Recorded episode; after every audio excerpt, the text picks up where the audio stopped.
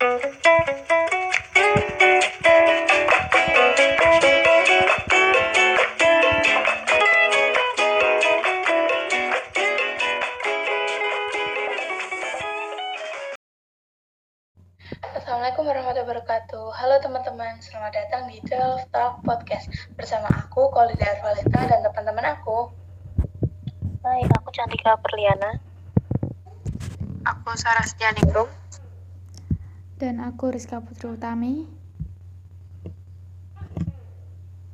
Jadi podcast kali ini adalah podcast pertama kita. Jadi kalau semisal kita banyak kekurangan, mohon dimaafkan ya. Dan karena ini juga posisi kita uh, masih daring gitu, jadi belum bisa ketemu secara langsung dan cuma bisa ngandelin media elektronik kayak handphone terus uh, WhatsApp, Gmeet atau telepon atau Zoom lah gitu deh. Jadi mohon maaf jika banyak banget kekurangannya. Tapi kalian udah pernah nggak sih ke kampus? Pernah lah, waktu itu waktu pendaftaran terus tes nafsa sama ambil jamet Hah? Jamet apaan? Iya, jas alma mater itu loh. Oh, Oh, kirain apaan? kirain yang jamet yang Eh. di itu di jalan. Enggak lah, ngapain aku ambil? Terus nih menurut menurut kalian gimana rasanya pembelajaran jarak jauh atau daring ini?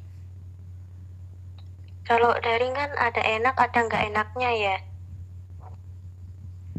Eh, kalau dilihat dari sisi enaknya sih mungkin kita bakal irit waktu. Terus kita kan di rumah terus tuh. Jadi bakal banyak waktu juga sama keluarga kan. Terus kalau dari sisi nggak enaknya mungkin kita bakal susah buat nangkep materi. Terus sama temen kelas juga kurang akrab karena emang jarang ketemu juga.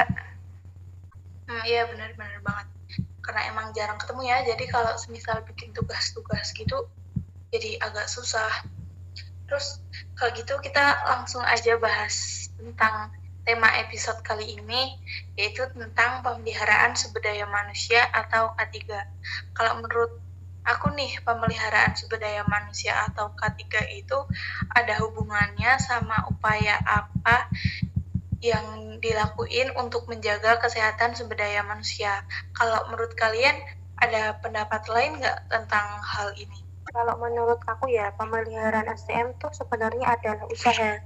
Nah, usaha yang dimaksud tuh sebenarnya mempertahankan dana atau meningkatkan kondisi fisik, mental, dan sikap karyawan agar mereka tetap loyal terhadap perusahaan dan kerjanya bisa tetap produktif. Nah, benar banget. Jadi, karyawan itu kan kayak aset penting, kayak peran utama gitulah di perusahaan. Jadi, kalau perusahaan tersebut gak ada karyawan, ya gak akan bisa mencapai tujuannya. Nah, bener banget. Juga tuh, di sisi lain keamanan dan keselamatan juga harus diperhatikan dengan baik. Jadi, pemeliharaan karyawan juga harus mendapat perhatian khusus dari atasannya gitu. Ya benar banget keamanan dan keselamatan dari manajer untuk para karyawannya tuh harus diperhatikan dengan sungguh-sungguh agar para karyawannya tuh bersemangat dalam bekerjanya dan dan tentunya untuk mewujudkan keamanan dan keselamatan pekerja tersebut harus menggunakan langkah-langkah atau metode yang efektif. Kalau menurut kalian metode apa apa aja yang bisa mendukung tercapainya tujuan dari organisasi atau perusahaan tersebut? Menurut aku sih, metode komunikasi ya, komunikasi yang baik dan efektif yang penting di dalam perusahaan untuk mewujudkan pemeliharaan karyawan dalam perusahaannya. Nah, jadi itu komunikasi sangat penting untuk mencipta, menciptakan pemeliharaan karyawan dalam perusahaan gitu. Kalau menurut aku ya bukan cuma komunikasi. Yang kedua tuh ada insentif. Menurut Hasibuan dalam bukunya yang berjudul Manajemen Sumber Daya Manusia, insentif adalah daya perangsang yang diberikan untuk karyawan tertentu berdasarkan prestasi kerja agar karyawan terdorong meningkatkan produktivitas kerja. Jadi kalau kita ingin produktivitas karyawan meningkat, ya harus mengapresiasi prestasi kerja mereka. Tadi kan udah dijelasin tuh apa itu insentif. Di sini aku mau nambahin ya, sebenarnya insentif itu dibagi menjadi tiga bentuk. Yang pertama, non-bahan insentif. Ini tuh perangsang yang dikasih ke karyawan dalam bentuk penghargaan. Kayak piagam, piala, medali gitu. Terus yang kedua, ada social insentif ini diberi ke karyawan berdasarkan prestasi kerja berupa fasilitas dan kesempatan mengembangkan kemampuan seperti promosi. Terus yang ketiga adalah bahan insentif. Ini juga diberi ke karyawan berdasarkan prestasi kerja juga, namun dalam bentuk uang dan barang. Iya, poin insentif ini tuh perlu banget karena pemberian insentif yang adil dan terbuka akan menciptakan pemeliharaan yang baik. Jadi kesetiaan dan semangat kerja para karyawan tuh akan meningkat gitu. Tapi sebenarnya bukan dari poin insentif aja, tapi juga dari pemeliharaan sumber daya manusia ini ada tujuannya. Kalian ada nggak sih contoh tujuan pemeliharaan sumber daya manusia ini?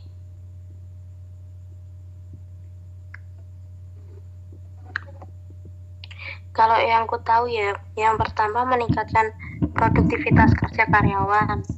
Yang kedua meningkatkan kedisiplinan karyawan dan menurunkan absensi karyawan. Yang ketiga meningkatkan loyalitas dan menurunkan turnover karyawan. Yang keempat memberikan ketenangan, keamanan, dan kesehatan karyawan. Yang kelima meningkatkan kesejahteraan karyawan dan keluarganya. Yang keenam memperbaiki kondisi fisik, mental, dan sikap karyawan. Yang ketujuh, mengurangi konflik serta menciptakan suasana yang harmonis. Yang kedelapan, mengefektifkan pengadaan karyawan. Itu hmm, aja sih. Hmm. Terus kalau dari asas sumber daya manusianya sendiri antara lain yang pertama ada asas manfaat dan efisiensi. Hendaknya meningkatkan prestasi kerja, keamanan, kesehatan, serta loyalitas dalam mencapai tujuan. Asas ini juga harus diprogram sebaik mungkin agar nggak sia-sia. Terus yang kedua, ada asas kebutuhan dan kepuasan. Asas ini juga harus menjadi asas program atau dasar program pemeliharaan karyawan karena asas ini penting supaya tujuan pemeliharaan kesehatan dan sikap karyawan itu baik sehingga karyawan dapat bekerja secara efektif dan efisien dalam ter dalam tercapainya tujuan perusahaan. Terus yang ketiga, ada asas keadilan dan kelayakan. Keadilan dan kelayakan hendaknya dijadikan asas program dalam pemeliharaan karyawan. Karena dengan adanya keadilan dan kelayakan dapat terciptanya ketenangan serta konsentrasi karyawan terhadap tugas-tugasnya, sehingga karyawan bisa disiplin, kerjasama, semangat kerjanya pun meningkat. Mungkin itu aja atau ada yang mau menambahkan? Ya, aku mau nambahin ya ada asas lagi nih, asas peraturan legal dan asas kemampuan perusahaan. Asas peraturan legal tuh kayak peraturan yang bersumber dari undang-undang. Dari keputusan Kampres dan Menteri juga harus dijadikan asas program pemeliharaan karyawan biar tidak terjadi konflik gitu loh Hal ini juga penting untuk menghindari konflik dan investasi sertifikat buruh dan pemerintah. Nah, kalau asas kemampuan perusahaan itu tuh harus menjadi pedoman dan asas program pemeliharaan keselamatan atau keamanan karyawan. Nah, ini tuh jangan sampai jadi terjadi pelaksanaan pemeliharaan karyawan yang melibatkan hancurnya perusahaan gitu loh. Oke, berarti dari asas-asas yang kalian sebutkan barusan tuh dapat disimpulkan kalau manajer yang cakap akan menerapkan metode yang sesuai dan efektif dalam pelaksanaan tugas-tugasnya. Jadi pemeliharaan keamanan, kesehatan, dan sikap loyal karyawan itu hendaknya menggunakan metode yang efektif dan efisien supaya mencapai manfaat yang optimal. Nah, selain itu juga, pemeliharaan sumber daya manusia ini dimaksudkan untuk mempertahankan stamina sumber daya manusia dalam melakukan pekerjaan di suatu perusahaan. Dengan itu, yang bersangkutan tidak mengalami gangguan selama melakukan tugas yang diberikan kepadanya. Terus nih menurut kalian ada nggak sih hal yang mendasari kayak faktor-faktor yang mendorong pemeliharaan sumber daya manusia itu? Kalau menurutku faktor yang, mendorong perlunya perusahaan melakukan pemeliharaan SDM itu dibagi menjadi dua. Yang pertama sumber daya manusia merupakan modal utama perusahaan yang apabila tidak dipelihara dapat menimbulkan kerugian bagi perusahaan. Yang kedua, Sumber daya manusia adalah manusia yang biasa yang mempunyai kelebihan, keterbatasan, emosi dari perasaan yang mudah berubah-ubah dengan berubah-ubahnya lingkungan sekitar. Sumber daya manusia yang kurang mendapat perhatian dan pemeliharaan perusahaan akan menimbulkan keresahan, turunnya semangat dan kegairahan kerja, merosotnya loyalitas dan prestasi yang bersangkutan. Nah, makanya kalau punya karyawan tuh jangan dimarahin terus. Bisa-bisa ntar karyawannya tertekan, gak lama setelah itu muncul berita karyawannya resign gara-gara atasannya marah-marah terus. Emang ada ya yang kayak gitu? Ada, banyak. Iya sih kalau dari berita yang aku baca juga tuh banyak kayak misalnya tuh bos yang galak, terus jam kerja berlebihan dari dari atasannya gitu tuh kan jadi membuat gak nyaman uh, karyawannya ya jadi memicu mereka untuk resign gitu. Iya teman aku juga pas itu resign gara-gara itu juga. Iya sama kayak tapi ada juga kayak pemberhentian secara mendadak gitu loh tanpa dikasih pesangon buat yang diberhentiin itu. Emang ya gitulah uh, terus uh, menurut kalian ada juga nggak sih cara lain gitu buat bisa diterapkan untuk terwujudnya lingkungan kerja yang aman? Bisa sih, cara mewujudkan terciptanya keselamatan dan kesehatan kerja pada sumber daya manusia ini tuh dari dari kesadaran diri sendiri diri sih seberapa pentingnya K3K itu bukan hanya wewenang pemilik usaha tetapi juga setiap karyawan dan seluruh pekerjanya yang ada di perusahaan tersebut. Nah, untuk mewujudkan kesadaran akan keselamatan lingkungan kerja itu tuh harus komitmen.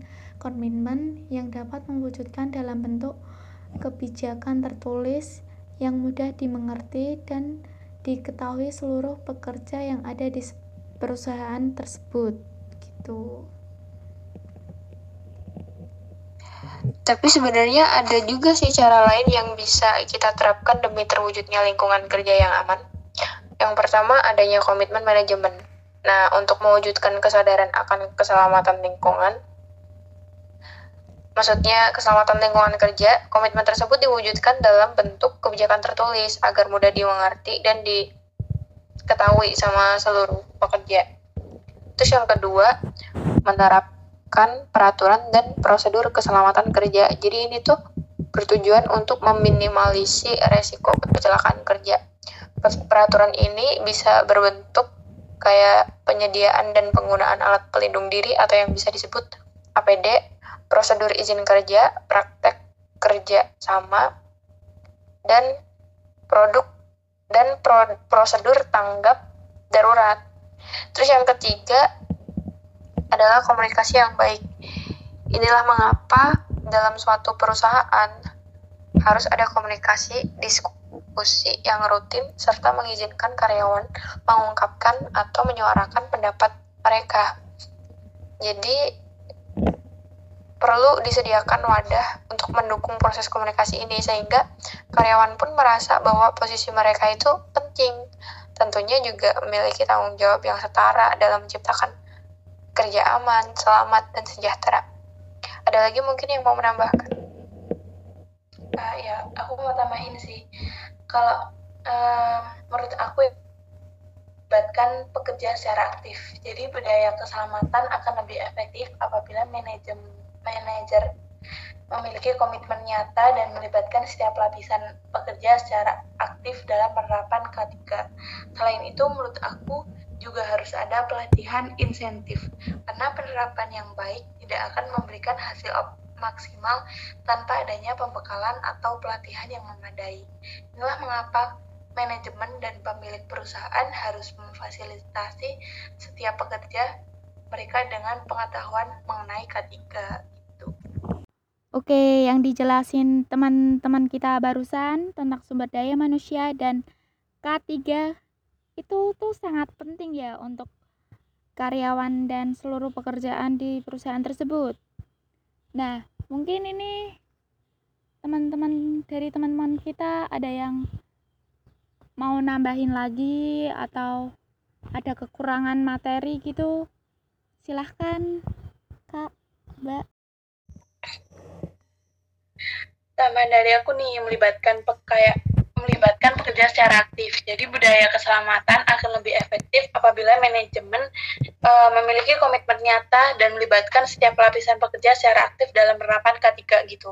Uh, selain itu juga menurut aku harus ada pelatihan insentif karena penerapan yang baik tidak akan memberikan hasil maksimal tanpa adanya pembekalan atau pelatihan yang memadai. Inilah mengapa manajemen dan pemilik perusahaan itu harus memfasilitasi setiap pekerja mereka dengan pengetahuan mengenai K3 gitu agar kesejahteraan karyawan tetap terjamin. Nah, ngomongin tentang kesejahteraan, uh, ada nggak sih arti dan jenis dari kesejahteraan itu? Ada, ada.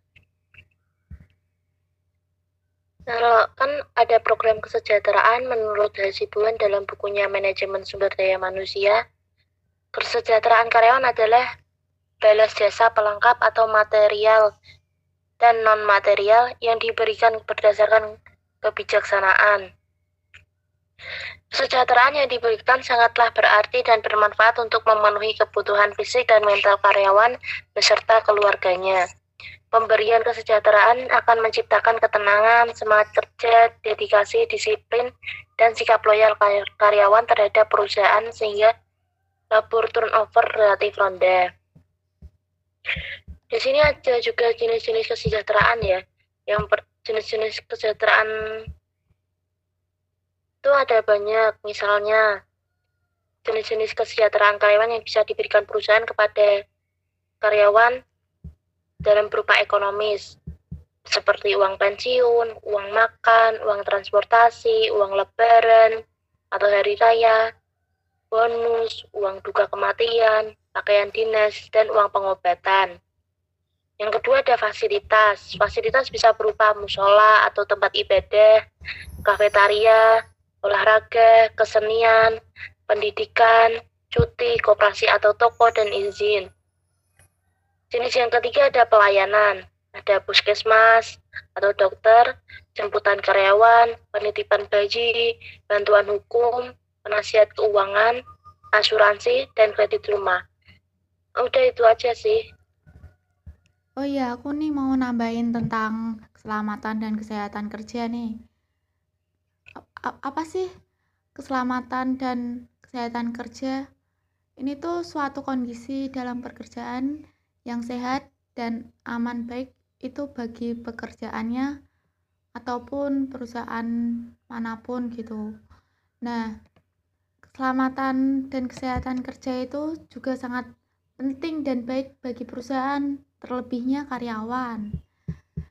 Hal ini juga harus ditanamkan nih dari diri kita masing-masing atau masing-masing karyawan melalui pembina ataupun penyeluruhan dari perusahaan. Nah, kesadaran keselamatan eh keselamatan dan kesehatan kerja juga membantu terwujudnya pemeliharaan karyawan yang baik. Kalau nggak ada perhatian dalam kesehatan keselamatan kerja ini, itu tuh mungkin terjadinya kecelakaan kerja yang dapat menurunkan tingkat produksi. Kalau kayak gini dapat menimbulkan kerugian perusahaan. Terus nih, pemeliharaan kesehatan tuh gimana? Yang baik gitu loh.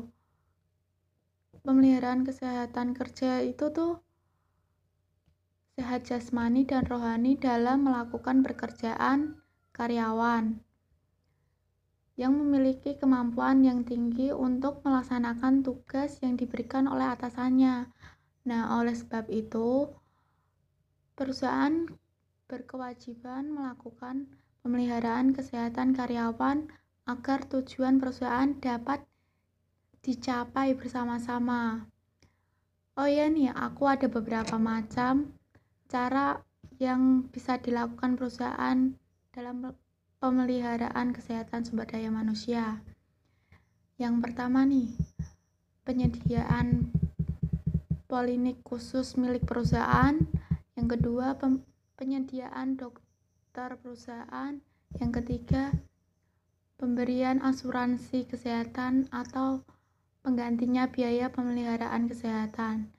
Nah, gitu aku juga mau ngasih tahu nih ke kalian tentang keselamatan dan kesehatan kerja. Programnya itu tuh menurut Mangkunegara tuh keselamatan kerja menunjukkan kerja kondisi yang aman atau selamat dari penderita kerusakan atau kerugian di tempat kerja. Keselamatan kerja adalah keselamatan yang berkaitan dengan mesin, pesawat, alat kerja, bahan proses, pengelolanya, landasan tempat kerja, dan lingkungannya, serta cara melakukan pekerjaannya. Nah, gitu doang tuh. Hmm, aku juga mau nambahin tentang poin keamanan ya.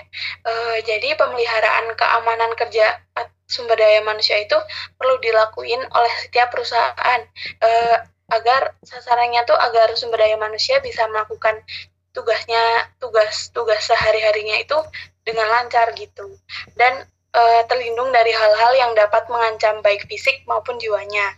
Uh, bila keamanan dan kesehatan bila keamanan dan keselamatan kerja karyawan tuh nggak terjamin dalam suatu perusahaan e, bisa menimbulkan akibat-akibat yang merugikan di kedua belah di kedua belah pihak gitu. Selain itu ada beberapa faktor yang mendorong suatu perusahaan e, untuk melakukan pemeliharaan keamanan dan keselamatan kerja. Salah satunya ini kemanusiaan. E, karyawan yang bekerja di perusahaan tuh e, adalah manusia biasa, bukan hanya sebagai alat produksi, tapi juga merupakan aset perusahaan. Nah, oleh sebab itu, program pemeliharaan keamanan dan keselamatan keselamatan kerja ini tuh harus didorong oleh rasa belas kasih sesama manusia, yaitu rasa kemanusiaan, sehingga para karyawan tuh terhindar dari segala malapetaka dan mara bahaya dalam melaksanakan tugas sehari-harinya. Terus yang kedua tuh ada peraturan pemerintah jadi tuh ada undang-undang yang mengatur keamanan dan keselamatan kerja, yaitu tuh pada UUD nomor 1 tahun 1970 yang memuat yang termuat dalam uh, lembaran negara nomor 1 tahun 1970. Terus yang nomor tiga ada ekonomi. Karena untung dan rugi dalam perusahaan tuh uh, gimana ya? Peliharaan keamanan dan keselamatan merupakan kerja pendorong terkuat dalam suatu perusahaan gitu. Hal ini dapat dipahami bahwa suatu perusahaan dalam kegiatan kegiatannya tuh akan selalu bergerak menurut pertimbangan-pertimbangan ekonomis. Dengan pelaksanaan pemeliharaan oleh perusahaan, maka perusahaan itu harus mengeluarkan biaya yang banyak. Namun biaya yang dikeluarkan akan lebih lebih besar gitu jika terjadi kecelakaan kerja terhadap karyawannya. Nah, karena itu perusahaan yang melakukan pemeliharaan keamanan dan keselamatan kerja dapat berhemat karena biaya pemulihan akibat kecelakaan tuh uh, dapat diperkecil gitu. Itu menurut aku tentang uh, poin keamanan. Ada yang mau nambahin lagi mungkin? Uh, aku juga mau nambahin sih di bagian hubungan industrial Pancasila. Jadi hubungan industri Pancasila itu adalah hubungan antara pelaku dalam proses produksi barang dan jasa yang didasarkan atas nilai yang merupakan manifestasi dari keseluruhan sila-sila. Sila-sila yang di Pancasila dan Undang-Undang Dasar 1945 yang tumbuh dan berkembang di atas kepribadian bangsa dan kebudayaan nasional Indonesia. Adapun ciri-ciri khususnya antara lain Hubungan industrial, industrial Pancasila mengakui dan meyakini bahwa bekerja bukan hanya bertujuan untuk sekedar mencari nafkah, akan tetapi sebagai pengabdian manusia kepada Tuhannya, kepada sesama manusia, masyarakat, bangsa, dan negara. Terus yang kedua, hubungan industrial Pancasila menganggap pekerja bukan hanya sekedar faktor produksi belaka, tetapi sebagai manusia pribadi dengan segala harkat dan martabatnya. Karena itu, perlakuan pengusaha kepada pekerja bukan hanya dilihat dari segi kepentingan produksi belaka, akan tetapi haruslah dilihat dari rangka meningkatkan harkat dan martabat manusia juga. Terus yang ketiga, hubungan industrial Pancasila antara pekerja dan pengusaha bukanlah mempunyai kepentingan yang bertentangan, akan tetapi mempunyai kepentingan yang sama, yaitu kemampuan perusahaan. Karena dengan perusahaan yang maju dan semua pihak akan dapat meningkatkan kesejahteraan. Terus yang keempat nih, dalam hubungan industrial Pancasila, setiap perbedaan pendapat antara pekerja dan pengusaha harus diselesaikan dengan jalan musyawarah untuk mencapai mufakat dan dilakukan secara kekeluargaan. Karena itu penggunaan tindakan penekanan dan aksi-aksi sepihak seperti mogok, penutupan, dan lain-lain tidak sesuai dengan prinsip-prinsip hubungan industrial. Terus yang terakhir, di dalam pandangan hubungan industrial Pancasila terdapat keseimbangan antara keseimbangan hak dan kewajiban. Kedua belah pihak adalah kedua belah pihak dalam perusahaan. Keseimbangan itu dicapai bukan didasarkan atas perimbangan kekuatan, akan tapi atas dasar rasa keadilan dan kepatuhan. Terus di samping itu juga Hubungan industrial Pancasila juga mempunyai pandangan bahwa hasil-hasil perusahaan yang telah dicapai berdasarkan kerjasama antara pekerja dan pengusaha harus dapat dinikmati secara adil dan merata, sesuai dengan pengorbanan masing-masing. Udah itu aja. Oke, berarti dari penjelasan teman-teman barusan tuh dapat kita simpulkan bahwa kesehatan dan keselamatan kerja itu adalah suatu usaha dan upaya untuk menciptakan perlindungan dan keamanan dari resiko kecelakaan dan bahaya fisik kerja. Uh, tapi selain itu ada juga mental maupun emosional terhadap pekerja juga. Uh, bukan hanya untuk pekerja, deng, tapi juga bisa untuk perusahaan, masyarakat, dan lingkungannya.